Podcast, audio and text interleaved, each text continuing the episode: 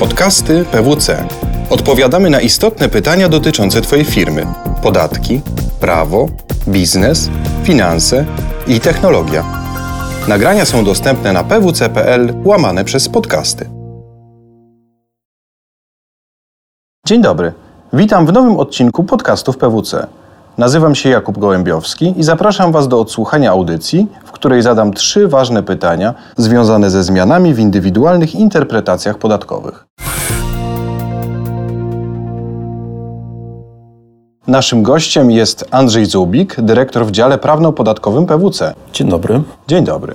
10 kwietnia 2018 roku Ministerstwo Finansów opublikowało projekt zmian w ordynacji podatkowej wprowadzający nowy rodzaj interpretacji indywidualnych wnioski grupowe. Proces legislacyjny trwa, a ostateczny kształt nowych regulacji i data wejścia w życie zmian są wciąż nieznane. Patrząc na istotę zmian, już teraz widać, że dla niektórych podatników te propozycje mogą być prawdziwą rewolucją, która odmieni sposób zabezpieczania rozliczeń podatkowych interpretacjami.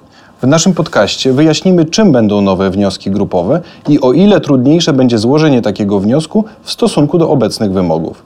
Zastanowimy się, komu te zmiany pomogą, a czyją sytuację mogą pogorszyć. Czy podatnicy powinni przygotować się na nową sytuację, aby nie być zaskoczonymi przepisami w planowanym obecnie kształcie? Podpowiemy też, jak do tych zmian można się przygotować. Andrzej, czym mają być nowe interpretacje grupowe? Na pierwszy rzut oka interpretacje grupowe to jest coś, co może wydać się już znane podatnikom. Mamy już przecież wnioski wspólne. Wniosek wspólny to taki wniosek, który może złożyć grupa podmiotów, kilku podatników, którzy są zaangażowani w jedno zdarzenie i z tego zdarzenia wynikają dla nich skutki podatkowe. Wtedy wydawana jest jedna interpretacja. Ta interpretacja chroni wszystkich zainteresowanych. Okazuje się jednak, że z wniosków wspólnych podatnicy nie korzystali do tej pory zbyt często. Zdecydowanie przeważała liczba wniosków indywidualnych i Ministerstwo Finansów, jak wyjaśnia w projekcie nowych zmian, ma obawę, że te wnioski indywidualne niejednokrotnie przedstawiają tylko część całych transakcji, część łańcuchów zdarzeń czy transakcji po sobie następujących, a przez to uniemożliwiają ocenić organom podatkowym pełen obraz transakcji, wszystkie skutki i w konsekwencji wychwycić te transakcje, które mają na celu nadużycie prawa podatkowego. Stąd nowy pomysł wprowadzenia wniosków grupowych, a więc również składanych przez kilka podmiotów, ale już nie dobrowolnie, wniosków obligatoryjnych. Ministerstwo w projekcie zmian przewiduje, że wnioski grupowe będą obligatoryjne i będą miały zawsze zastosowanie wtedy, jeżeli stan faktyczny lub zdarzenie przyszłe obejmuje transakcje dokonywane z udziałem podmiotów powiązanych. Takie wnioski grupowe będą charakteryzować się nowymi elementami. Będą dodatkowe wymogi, jakie trzeba spełnić, aby wniosek został rozpoznany i aby interpretacja została wydana. Przede wszystkim podatnicy będą musieli wskazać główne korzyści, jakie zamierzają osiągnąć wskutek dokonania tej transakcji. Ministerstwo wyjaśnia w projekcie zmian, że nie należy wskazywać korzyści mało istotnych, że chodzi tylko o główne korzyści, ale uwaga, nie tylko korzyści biznesowe, ale także korzyści podatkowe. Ponadto we wniosku trzeba będzie opisać wszystkie transakcje dokonane, będące w trakcie, ale także planowane, od których uzależnione jest osiągnięcie tych właśnie głównych korzyści. Są jeszcze dalsze wymogi.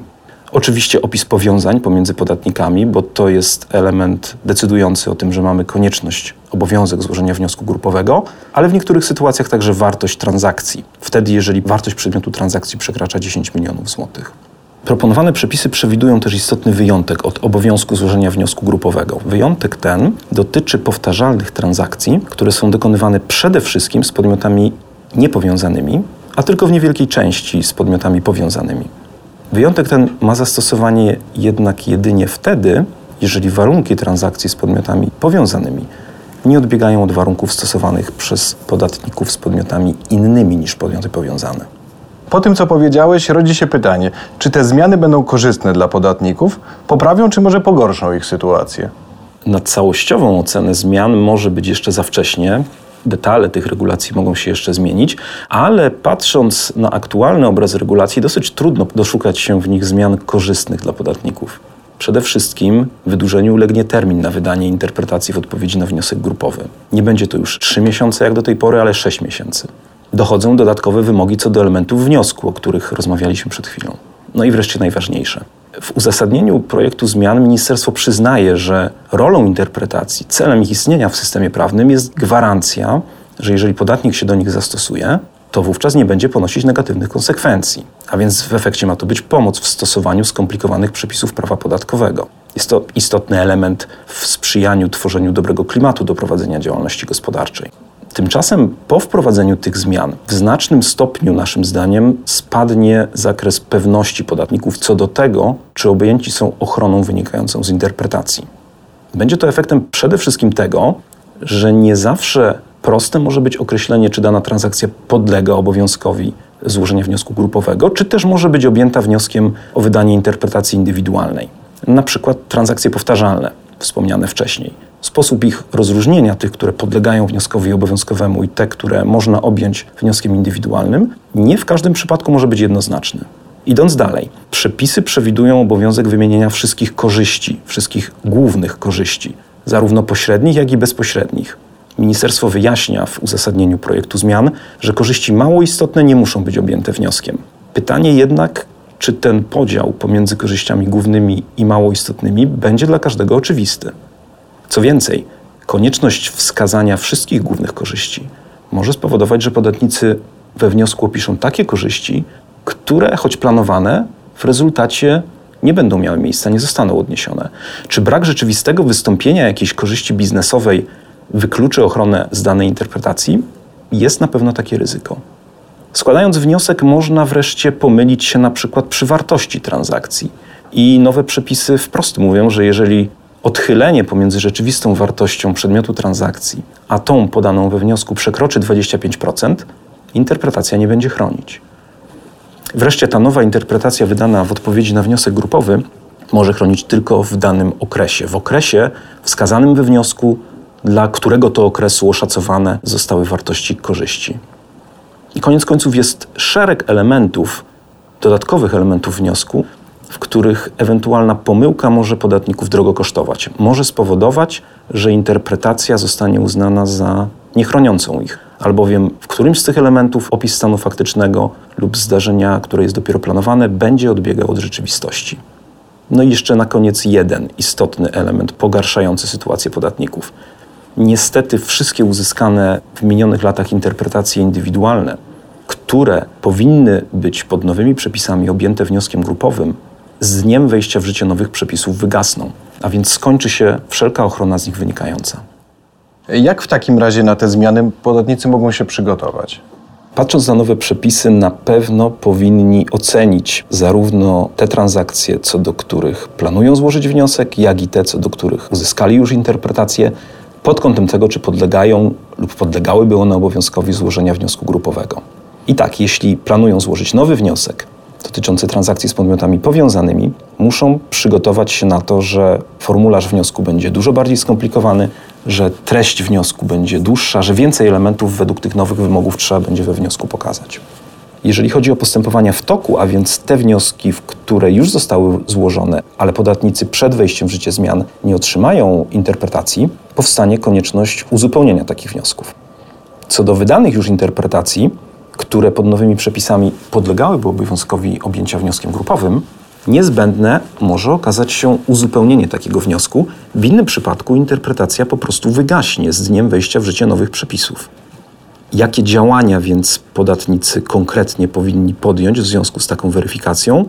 No właśnie w ciągu 6 miesięcy od wejścia w życie nowych przepisów uzupełnić wnioski w tych sprawach, w których uzyskali już interpretacje dotyczące transakcji z podmiotami powiązanymi. Przygotowywane aktualnie wnioski dostosować do nowych przepisów, a te, które są w trakcie rozpatrywania, uzupełnić o nowe elementy.